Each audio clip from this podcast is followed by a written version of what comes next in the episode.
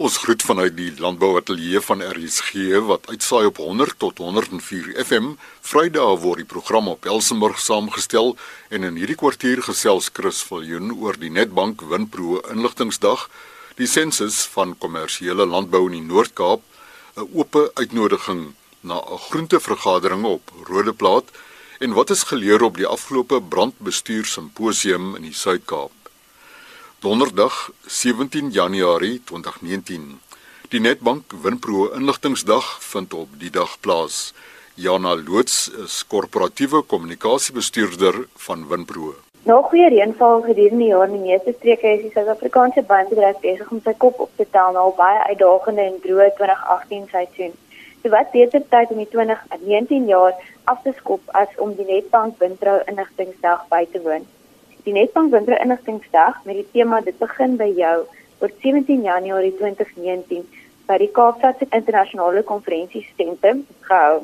Van 'n makro na 'n mikroperspektief kyk ek bis se Wandile se global eers na sake vertroue, groei en werkskeping in die breë landbousektor en dan kyk Christo Konradi van Wintrou na die stand van die wynbedryf en die faktore wat 'n invloed op wynbesighede het. Etiese handel is natuurlik ook 'n baie integrale deel van ons wynbedryf. En Linda Luperoni van die Etiese Handelsorganisasie Vita benadruk dan die belangrikheid van sosiale dialoog in die Suid-Afrikaanse wynbedryf aan die hand van 'n hele reeks um, inisiatiewe en forums wat aan die bedryf beskikbaar is. En dan ouer gewoonte gaan Fransjo Viljoen, winterse wingerdboukundige konsultant, weer kyk na die aanloop tot die 2019 seisoen en dan ook natuurlik waarna ons kan uitsien in die 2019 wyndryfoes en ons nuwe wynjaar. Van die wingerd na die mark deel maak Naris van Ultra Lekker tendense en riglyne vir die pad vorentoe in die plaaslike mark van uit 'n kleinhandel oogpunt. Dan het ons ook internasionale wynkenner en skrywer van die VK, Robert Joseph, wat gaan gesels oor die toekoms van wyn globaal en hoe die Suid-Afrikaanse wynbedryf moet aanpas om hierdie nuwe wêreld te oorleef. Politieke kommentator Max Spreek om vir die tweede agter die volgende jaar terug na ons verhoog en sluit die dag af deur ligte werp op die politieke landskap. Die inligtingsdag word in 2019 vir die 14de jaar aangebied met Netbank as hoofborg sedert 2006. Al Mutual en Al Mutual Insure is ook vir die vierde agter die involgende jaar betrokke as kleiner borgers. Buite die strategiese inligting wat wyndryfprodusente en kelders en enigiemand wat verbonde is aan die wynbedryf kan kry, is ook 'n ideale netwerkgeleentheid so aan die begin van die jaar vir wynbedryfrolspelers om met mekaar weer kante te raak. Windroulede betaal R750 per persoon en nie lede betaal R1150 per persoon. Registreer aanlyn by www.windrou.co.za of kontak 021 276 0460. Ons hoop om julle dan 17 Januarie daar te sien. Korporatiewe kommunikasiebestuurder van Winpro, Jana Loots, en om te registreer, skakel 021 276 0460. Nou na Kimberley Dirk Krapool, bedryfsbestuurder van Agri Noord-Kaap, vertel wat die landbou sensus behels. Statistiek Suid-Afrika is in proses om 'n volskaalse sensus van kommersiële landbou in 2018 op te neem. Daar word verwag om die resultate in November 2019 vry te stel. Die landbousensus sal slegs kommersiële boere dek. Die Voedsel- en Landbouorganisasie van die Verenigde Nasies beveel aan dat 'n land minstens een keer elke 10 jaar 'n sensus van kommersiële landbou moet opneem.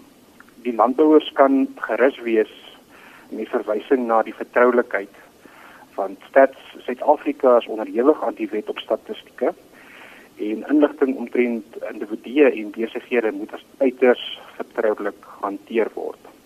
Dan het Stats Suid-Afrika ook onderneem om Agri-SA se protokol te volg waar hulle dan nou sal vooraf kennis maak met al die landbouunies uh, en dan nou vooraf afsprake reël met hulle.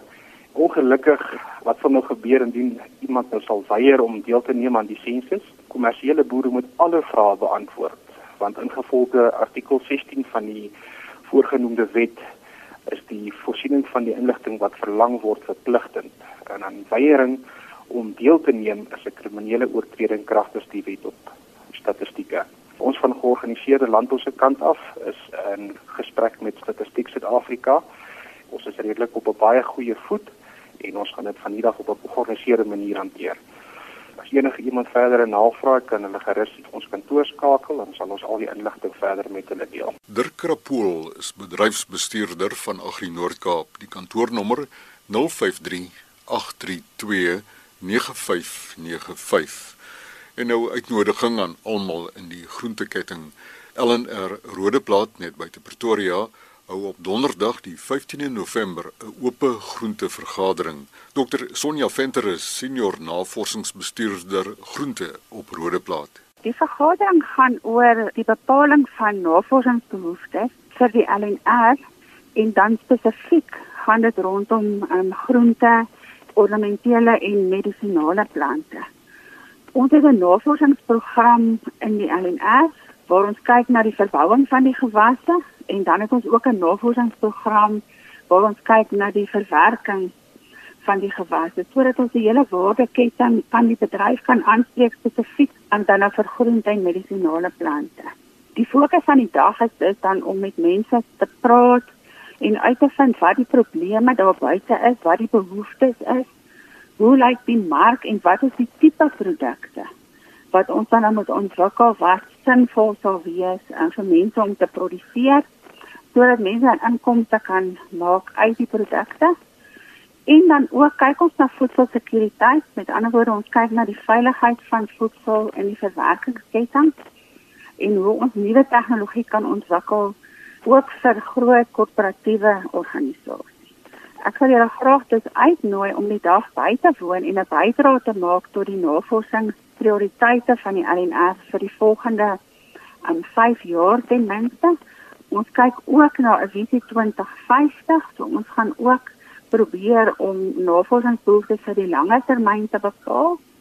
En indien u belangstel om die dag by te woon, kan u gerus skakel vir Solofelo en haar nommer is 012 808 8000. En ons sal dit waardeer indien u kan bevestig om die dag by te woon. En die oop uitnodiging kom van senior navorsingsbestuurder groente op LNR Rodeplaat Dr Sonja Venter. Almal is natuurlik welkom soos haar uitnodiging ook lui. Skakel net die nommer 012 808 8000 en praat met Tsolo Fellow. Dis 012 808 8000 praat met Tsolo Fellow. Die tragiese gebeure in en om Nuisna is nog vars in die geheue en daaroor gesels ons vanoggend met Tian Pool, programbestuurder Bosbou en Veldbrandbestuur by die George Campus van die Nelson Mandela Universiteit. Die 12de brandbestuur simposium wat die 3de tot die 5de Oktober hier by Nelson Mandela Universiteit se George Campus plaasgevind het, was 'n reuse sukses geweest. Ons het oor die 3 dae het ons elke dag 200 sitplekke uitverkoop gehad en dit was regtig goed bygewoon deur klomp verskillende rolspelers soos plaaslike owerhede, brandbeskermingsvereniging, boere, natuurbewaring, bosbou. Ons het selfs van informele nedersettings het ons mense gehad wat bygewoon het. Die agtergrond net draai rondom die groot rampvuur wat in Nysna plaasgevind het in 2017 en dan het ons spesifiek in die simposium gekyk na risikobestuur en wel ekologies gebaseerde risikobestuur baie interessant geweest het was 'n aanvanklike oorsig deur van die sprekers oor die faktore wat bygedra het tot hierdie Nysna ramp wat plaasgevind het. En daar is gekyk na weerpatrone, langdurige droogte, indringerplante groei. Daar's gekyk na die bestuur van inheemse plantebrandstofladings en daar's ook gekyk hoe gereed was die owerhede en die plaaslike inwoners vir so 'n ramp. Daar is ook gesels oor die aksies wat plaasgevind het tydens die brand. Baie interessant was die ontruiming van die klein kusdorpie Brenton on Sea wat totaal deur die vuur geontbring gewees het en waar die inwoners almal na veiligheid gebring moes geword het. Daar's ook vir ons verduidelik hoe mense hierdie vreeslike groot vuur moes koördineer en hoe brandbestryding rondom hierdie vuur bestryding poging gekoördineer gewees het. En dan natuurlik en ons het ook 'n veldbesoek gedoen om te sien wat se aksies is geneem na die brand. Want mense kan jou net voorstel die eh, gronderosie wat plaasvind, die onkruid wat beheer moet word wat na die vuur in groot plate opkom. En dan is daar ook gekyk na wat se voorkomingsmaatreëls in plek gestel word om toekomstige rampe te kan vermy. So met miskien net om op te som, daar's 'n klomp baie belangrike lesse wat geleer is. Die eerste les wat daar geleer is vir ons is dat ons moet betyds reageer. Reeds in 2008 is daar so vletjieblassers gewees wat gewaarsku het teen die gevaarlike plantegroei wat vir Nysna omring wat kan lei tot 'n vuur. Daar is ook uitgewys dat dit nodig is vir verskillende organisasies om saam te werk. Rolspelers soos die departement van landbou, bosbou en visserye, nasionale rampbestuur, plaaslike owerhede, departement van omgewingsake, privaat organisasies, al die mense moet begin om hulle silo's af te breek en saam te werk en te fokus op die gemeenskaplike probleem. Daar is ook uitgewys dat ons beter moet beplan, ons moet wetenskaplik beplan. En daar was 'n uitstekende aanbieding deur meneer Axel Jooste en ek haal in Engels aan. Hy het gesê ons ly aan 'n sindroom wat hy noem failure of imagination. Ons moet ons verbeelding gebruik en ons moet sien wat in die toekoms moontlik kan gebeur en ons moet ons daarop voorberei. Dit is ook vir ons uitgewys dat jy nie iemand se opinie teen sy wil kan verander nie. So personeelbestuur en kontak met die gemeenskap baie belangrik. Daar is ook vir ons uitgewys dat die regering moet 'n groter rol begine speel en daar moet goed soos tydige afhandeling van grondeise moet plaasvind. Dienslewering moet beter uitgedra word aan die gemeenskap. En daar is ook melding gemaak van sekere wetgewing wat uh, nog nie afgehandel is nie en wat 'n uh, belangrike invloed kan hê op besluitneming. Daar's ook gesels oor die voortdurende verandering van die omgewing as gevolg van klimaatsverandering en hoe ons onsself moet voorberei ook om gereed te wees om hierdie baie vinnige verandering in die natuur die hoof te bied. Daar is ook veranderinge in die politieke omgewing waarvoor ons ons moet voorberei. Daar is verskeie aanbiedinge gewees oor tegnologie maar die les wat daaruit voortspruit is ook dat help nie ons het wonderlike tegnologie en ons weet nie hoe om die tegnologie te gebruik nie. So ons moet mense bevoegd maak om ons tegnologie te gebruik. En dan is daar ook vir ons uitgewys dat ons soveel probleme het rondom risikobestuur in Suid-Afrika dat ons wil moet navorsing doen. Ons wil ook moet begin saamwerk nasionaal en ook internasionaal om lesse wat geleer word elders met mekaar te kan deel. Ten slotte dink ek nie hierdie ongelooflike geleentheid sou moontlik gewees het sonder die inkoop van die plaaslike distriksmunisipaliteit, die Tuinroete distriksmunisipaliteit en ook die borgskappe wat ons van hulle ontvang het van die departement van landbou, bosbou en visserye en ook vele ander borge. My dank aan hulle. As iemand dalk meer wil weet van hierdie geleentheid, is hulle baie welkom om vir my te kontak per e-pos. Dit is tian.pool@ by mandela.ac.za en dan um, julle is welkom om my te skakel ook my kantoornommer is 044 801 5024 Die 12de brandbestuur simposium vroeër die maand op die George kampus van die Nelson Mandela Universiteit is toegelig deur Tian Pool, programbestuurder bosbou en veldbrandbestuur by die universiteit. Tian se e-pos tian.pool pool by mandela.ac.za. Dan in RSG landbou môreoggend om kort voor 12 natuurbewaring en wildjag is dit 'n teenstrydigheid of nie? Kaapjag en Cape Nature stel elkeen sy standpunt. Ons samewerking met Cape Nature in alle opsigte vir ons verrykend is.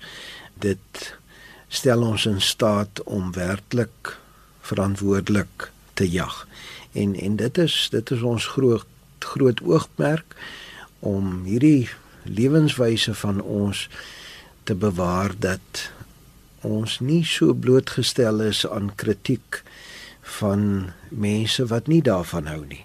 So ja, ons probeer dit ook op so 'n wyse doen dat ons nie aanstoot gee nie, maar ons is nie skaam omdat ons jag nie. En meer hieroor in RSG Landbou môreoggend om kort voor 12 Vanoggend se program is aangebied vanaf Elsenburg. Chris Viljoen wat groet.